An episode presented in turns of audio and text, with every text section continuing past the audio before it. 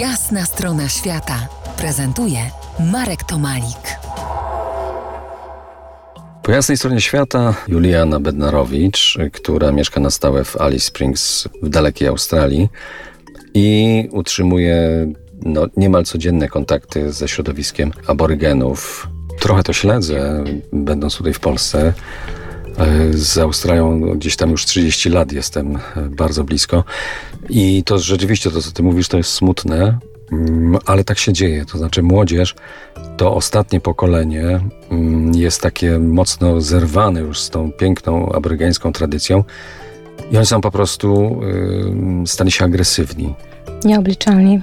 To jest wpływ. Yy, my tak zastanawiamy się, rozmawiamy ze znajomymi, którzy znają na ten temat trochę i obserwują to, co się dzieje.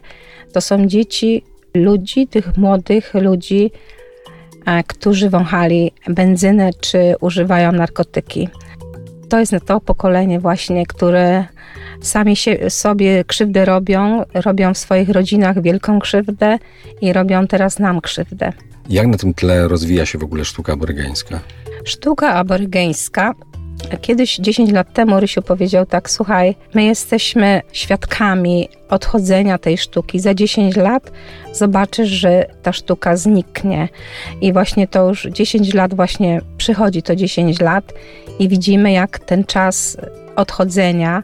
Bardzo to jest przykre, bo mm, piękni artyści, piękni ludzie, którzy, których znaliśmy, naprawdę to, taki, ci, co jeszcze w Buszu e, się urodzili i tam przenieśli tą kulturę, która jeszcze w szczątkach tam była, zniknęła, odeszła i teraz e, niewielu już zostało. To są ludzie w naszym wieku, artyści, którzy malują, to już jest ta starsza grupa, ale dzieci ich czy wnuki, to już jest rzadkość.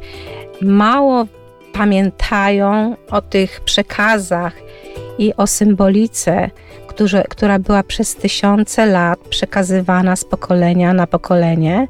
Oczywiście to, co jest dla nas pokazywane, dla publiczności, to jest tylko mały procent z tego, co oni naprawdę wiedzieli i mieli jako tajemnicę trzymali. To jest jasna strona świata w RMS Classic.